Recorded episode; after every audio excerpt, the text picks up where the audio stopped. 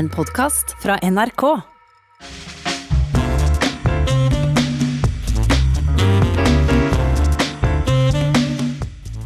Og her i Studio 62 har jeg fått eh, selskap av eh, USA-ekspert og førsteamanuensis Sofie Høgestøl og NRKs Ole Torp. Velkommen til dere.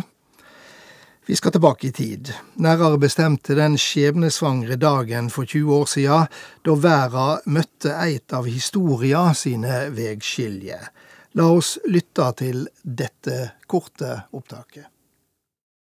Tjukk røyk velter nå ut fra de to tårnene. Og Ole Torp, vet du noe mer om hva som har skjedd?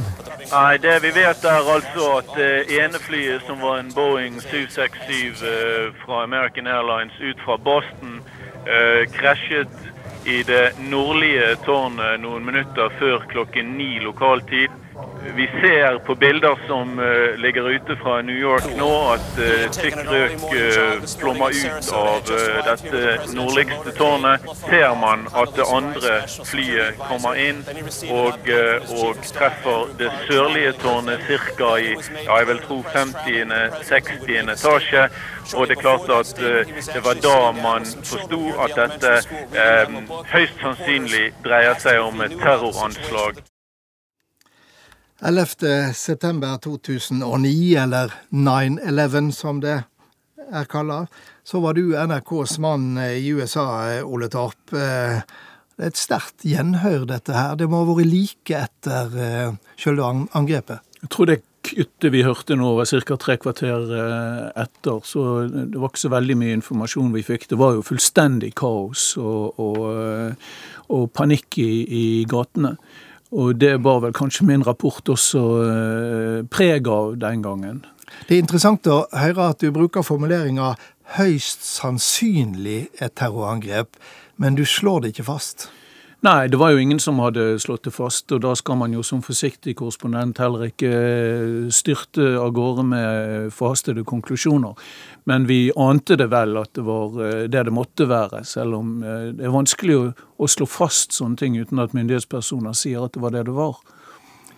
Men det, var, men det var iallfall åpenbart at det ikke var en feilmanøvrering når det var to fly. ikke sant? Nå er det gått eh, 20 år, og dette uvirkelige ved det. Dette sjokket som eh, følgde det første utenlandske angrepet på amerikansk jord på Det var vel Pearl Harbor 60 år tidligere. Eh, skjønner vi egentlig hvor stort sjokket det var på amerikanerne, Ole Torp?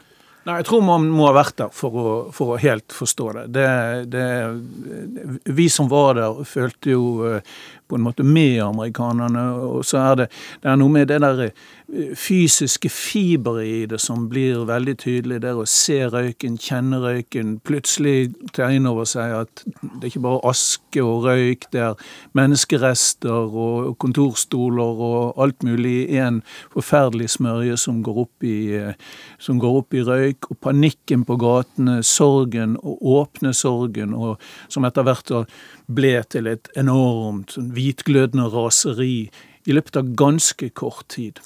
Sofie Høgestøl, eh, du fulgte dette herifra. Og hvis du ser dette perspektivet på det, forstår vi egentlig hvor sterkt eh, sjokket var, både fysisk og, og mentalt? Jeg tror, hvis, som, som, Ole sier, hvis man ikke var der, så er det veldig vanskelig å skjønne, uh, skjønne et sånn type terrorangrep. Men for min del så var jeg 15. Uh, jeg husker den dagen veldig godt, for jeg hadde nettopp kommet hjem fra skolen. Jeg var på vei til korpsøvelse med Årvoll skolekorps. Uh, og så skrudde jeg på nyhetene, som jeg ofte gjorde, og, og det var vel rett etter det hadde skjedd. Og, satt, og faren min på det tidspunktet Jeg visste han skulle til New York, han var på reise, jobbreise. Men han var fortsatt i London. Han skulle egentlig hatt reist til New York den natten og så vært i et møte i World Trade Center dagen derpå. Um, men jeg gikk jo da på den internasjonale skolen i Oslo. Så jeg gikk jo på skole sammen med barna til den amerikanske ambassadøren, og mange av lærerne mine var amerikanere. Og de satt jo, de satt jo på skolen og gråt dagen etterpå. Mm. Så jeg tror for de var det veldig, veldig altså, fysisk vondt. Eh, også fysisk vondt å være så langt hjemmefra. Men for meg så er det en dag jeg husker veldig sterkt, og en dag Altså, ringvirkningene av 9-11 har jo også hatt, uh, hatt, mye å si for meg som fagperson. Det er jo eh, konsekvensene av 9-11 som har vært med å forme meg som fagperson. Tror du, hvis du er på min alder og forsker på det jeg gjør, så er det en helt et vannskille, da. Mm. Men hvis vi går tilbake til 2001. Det hadde vært presidentvalg eh, året før, i 2000. Det var eh, eh, kanskje det mest omstridte presidentvalget i eh, USAs historie, hvis det nå unntar Trump-valgene fordi det sto noen få stemmer i Florida, og det var mange som mente Bush hadde stjålet uh, dette valget. Ja, det, var vel, det ble jo avgjort i Høyesterett til slutt, mm. uh, pga. The Hanging Chads i, i, nei, i, Florida. Um, og ja, det er riktig som du sier, mange i den demokratiske leiren mente jo at uh, George uh, W. Bush hadde stjålet valget fra visepresident Al Gore. Det var jo så nær på at Al Gore stoppet stoppet kortesjen sin på vei for å gratulere, og snudde, og det ble et oppgjør i retten. Så Amerika, eller USA var veldig eh, delt på forhånd. Eh, men eh, det var et helt utrolig syn å se til daglig hvordan det store Amerika kom sammen etter det angrepet. Det var, det var eh, Det flommet på med gaver til New York. Det kom brannbiler fra hele landet. Folk gikk i kirken mer, mer enn de pleide å gjøre. Jeg husker i New York på gaten stoppet folk på gatehjørnet og sang 'America the Beautiful'. Og folk flokket seg om og sang med. Eh, på én dag i New York solgte flaggbutikken mer flagg enn de gjorde på et år. New York var utsolgt for flagg. Og hele splittelsen som 2000-valget eh, hadde ført med seg, det bare fordunsta bort i en, i en eh, felles nasjonal kjensle og solidaritet. Og her i eh, Oslo, som mange andre hovedstader, så var det støttedemonstrasjoner til fordel for USA. Og det hadde ikke amerikanerne vært vant til på, på, på mange år. Det var en internasjonal solidaritet som også resulterte i en eh, Afghanistan-invasjon for 20 år siden. Ja, jeg, tror, jeg får jo spørsmål fra studentene mine om hvorfor gikk vi inn i Afghanistan. Hvorfor, hvorfor ble den beslutningen tatt? Da er det vanskelig å forklare. De er jo ofte født i 2001, 2002. Mm. Da er det vanskelig å forklare den stemningen som var i blant vestlige allierte etter 9-11. Den som du sier, den solidaritetsbevegelsen som USA nok ikke var vant til i Europa på det tidspunktet den var så sterk da, at det, det, var jo ikke så mye offentlig debatt om man skulle være med.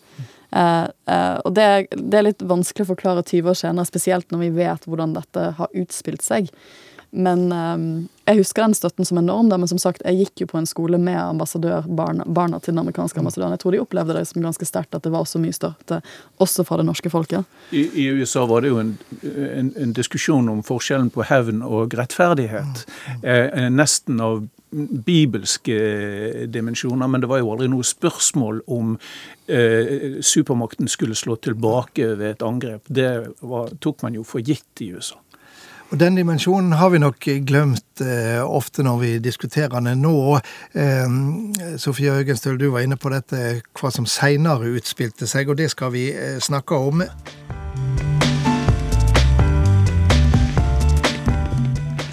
Ja, jeg sitter fremdeles her med Sofie Høgestøl og Ole Torp, og temaet er fremdeles 9-11-angrepet for 20 år siden. Den gangen så ble det ganske raskt snakk om at dette kunne være et paradigmeskifte, altså et skifte i vår måte å tenke på og forstå verden på. Nå 20 år senere, ble det det, Sofie Høgestøl? Jeg tror jo i stor grad det var det, men om vi forsto hvilket paradigmeskifte det var, det er jeg mindre sikker på. Vi forsto at det var et paradigmeskifte, ja. men ikke hva for men et. Kanskje ikke helt hva det var. Um, men som jeg sa, for meg så har det jo fulgt med som fagperson. For 9-11 skjedde, vi går inn i Afghanistan, så går vi etter hvert inn i Irak. Eller så går verden, altså USA og Storbritannia inn i Irak. Og da jeg begynte å studere i 2005, så studerte jeg i London, og da var, da var jo invasjonen av Irak og eh, dette torturprogrammet som USA hadde um, uh, i krigen mot terror, det var jo det største som skjedde i folkeretten. Så det var jo alt det vi diskuterte på, på, på studiet. Jeg sånn, at, hvis du spør meg som folkerettsforsker, var det et paradigmeskifte? Absolutt. I den forstand at det, det, skiftet nok noen av grensene for bruk av makt. Men også dette torturprogrammet tror jeg har langsiktige konsekvenser for verdenssamfunnet. Eller vårt vestlige tankesett rundt menneskerettigheter. Men men Ole Torp, eh, fra å være i en situasjon etter 9-11 eh, der verden sto samla eh, bak USA, så kom den store splittinga ved at den amerikanske ledelsen på en måte la Afghanistan til side, og så var det Irak og ondskapens akse var det det brutale feilsteget som ble gjort den gangen? Jeg tror kanskje det var det. At noen i den daværende administrasjonen fant ut, helt, nærmest helt på egen hånd, at, at det var en, en gulltråd mellom uh, Al Qaida og Saddam Hussein i, i Bagdad. Og påstanden om at han hadde masseødeleggelsesvåpen, eller i hvert fall planla å utvikle masseødeleggelsesvåpen. Og ehm, det ble jo sagt, eh, antagelig med stor grad av eh, rett, at, at eh, den daværende amerikanske presidenten George W. Bush på mange måter var en nikkedukke for mange av sine haukete rådgivere. Og gikk med på å gjøre det mange mener i dag, knuse Midtøsten slik vi kjente det. Og det, det var jo en en underlig situasjon, for eh, Saddam Hussein var jo ikke akkurat en elsket despot. Eh, men, men, eh, noen av disse regimene i Midtøsten holder jo sammen, på tross av at de ledes av despoter, ved at det er iallfall en slags orden på, på systemet. Um, Bin Laden ønsker seg jo på mange måter en sivilisasjonskrig og en religionskonflikt. Og han har vel fått det? Ja, altså En av professorene mine i USA da jeg tok mastergraden min der, han var forsvarsadvokat på Guantánamo Bay. Så altså, Vi kan ikke snakke om Afghanistan og Irak uten å snakke om Guantánamo Bay, som er denne fangeleiren som amerikanere opprettet, som er utenfor USA, så de trenger ikke å følge den amerikanske grunnloven, mener de. Mm. Men det er jo fortsatt de som styrer denne fangeleiren. Der puttet de jo en del av disse terrormistenkte, og de sitter der fortsatt, mange av de. De sitter der i 20 år. Um, og han mener jo, han ville jo nok, hvis han var i studio, ville nok sagt absolutt det. At den religionskrigen som uh, Osama bin Laden ønsket, svarte USA på. At det kanskje at det er en del av denne hovedfeilen som ble begått. da, At ved at man møtte terror til tider ved å tråkke på de menneskerettighetene man sier at man er fundamentert på som samfunn. F.eks. det at hvis du fengsler, så skal du ha rett på en rettssak. Mm, mm, Eller tortur, da. Så ja. Men hvor er det blitt av det store opprøret over, i, i, den muslimske verden over at uh, amerikanerne tok livet av Osama bin Laden? Mange trodde jo at det ville komme som en flodbølge tilbake.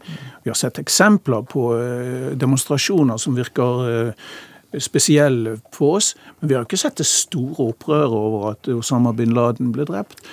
Sånn at det er jo mulig at også mange i den muslimske verden mener at det han gjorde, var helt forferdelig mm. galt, og har gjort deres liv også mye verre enn de var før. Uh, før uh, terrorangrepene. Og så er det jo ingen som veit uh, hva som hadde skjedd om det som nå har utspilt seg, ikke hadde skjedd, denne kontrafaktiske historieskrivninga. Men mm. vi veit vel i alle fall at den religiøst fundamenterte terrorismen, den griper om seg når det er toppunkt med IS og staten, kalifatet der, men ser det griper om seg nå både i Midtøsten igjen og også i, i Afrika?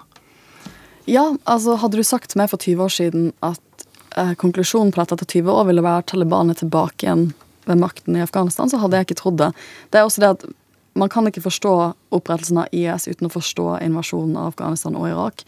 Uh, og det terrorbildet man også ser nå som utspiller seg i Afghanistan, er jo også en direkte konsekvens av det.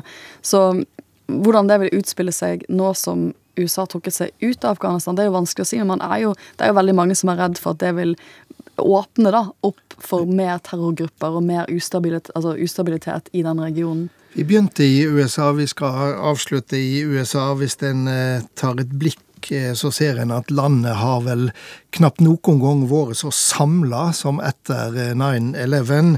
Eh, eh, og hvis vi ser nå, så er det vel sjeldent å finne en historisk epoke etter borgerkrigen der landet har vært så splitta som nå, Ole Torp.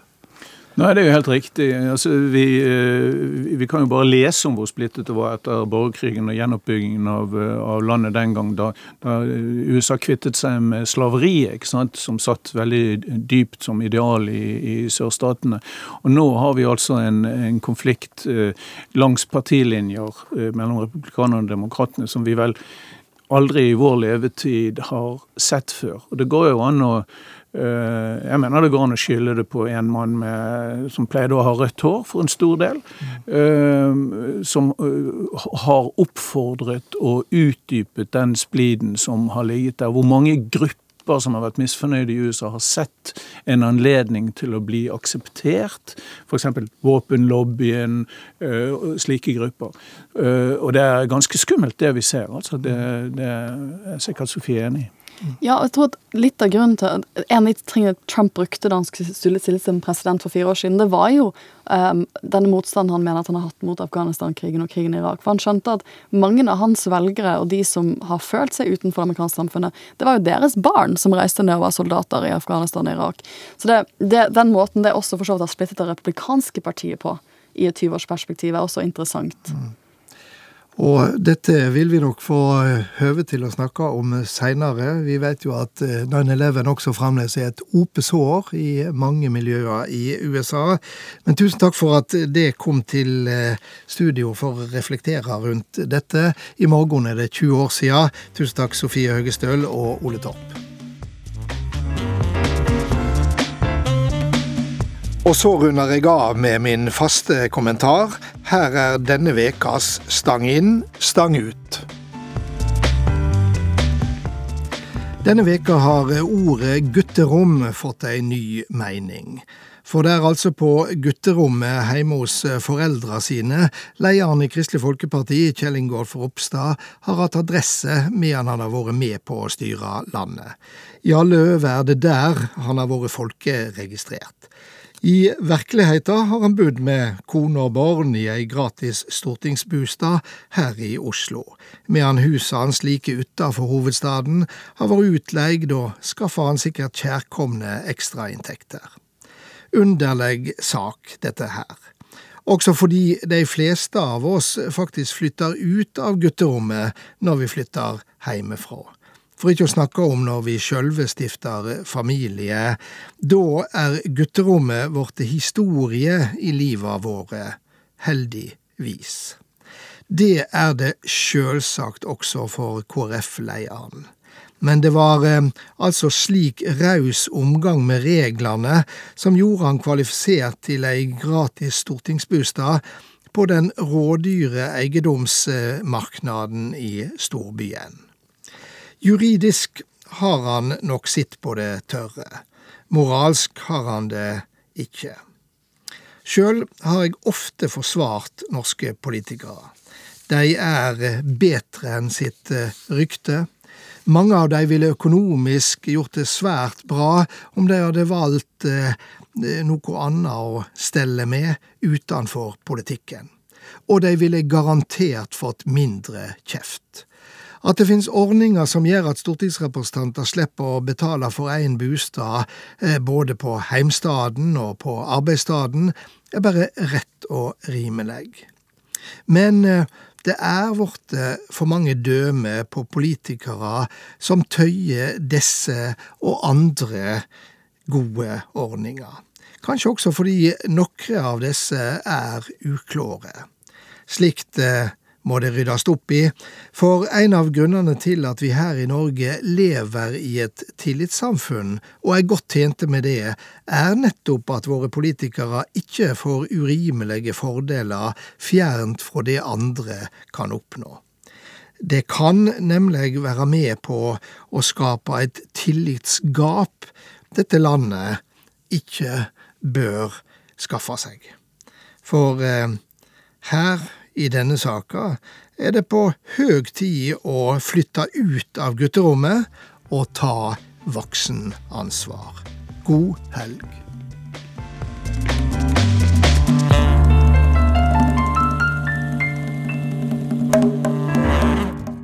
Du har hørt en podkast fra NRK.